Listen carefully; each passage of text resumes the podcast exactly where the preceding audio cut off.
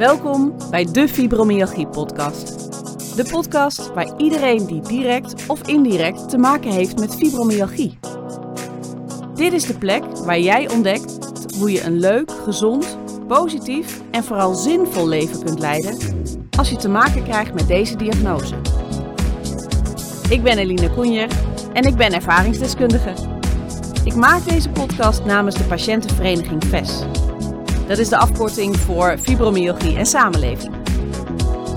In deze podcast ga ik in gesprek met verschillende experts op het gebied van deze onzichtbare aandoening.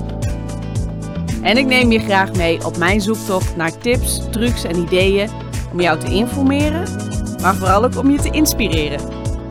Ik wens je dus heel veel luisterplezier.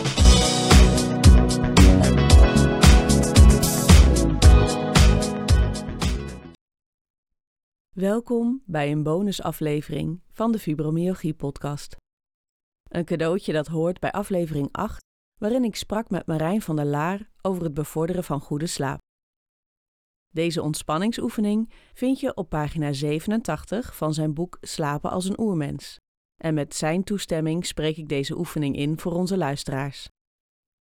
Door deze ontspanningsoefening dagelijks te doen, train je je lichaam om beter tot rust te komen en dat heeft een positief effect op je slaap.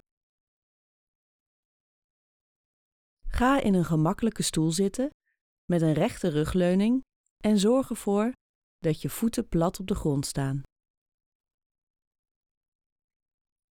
Leg beide handen op je buik en voel hoe je buik op en neer gaat bij het in- en uitademen. Adem door je neus in en door je mond uit. Voel de warmte van je handen op je buik en laat de adem omlaag zakken richting die plek. Richt je aandacht op iedere adem in en uit.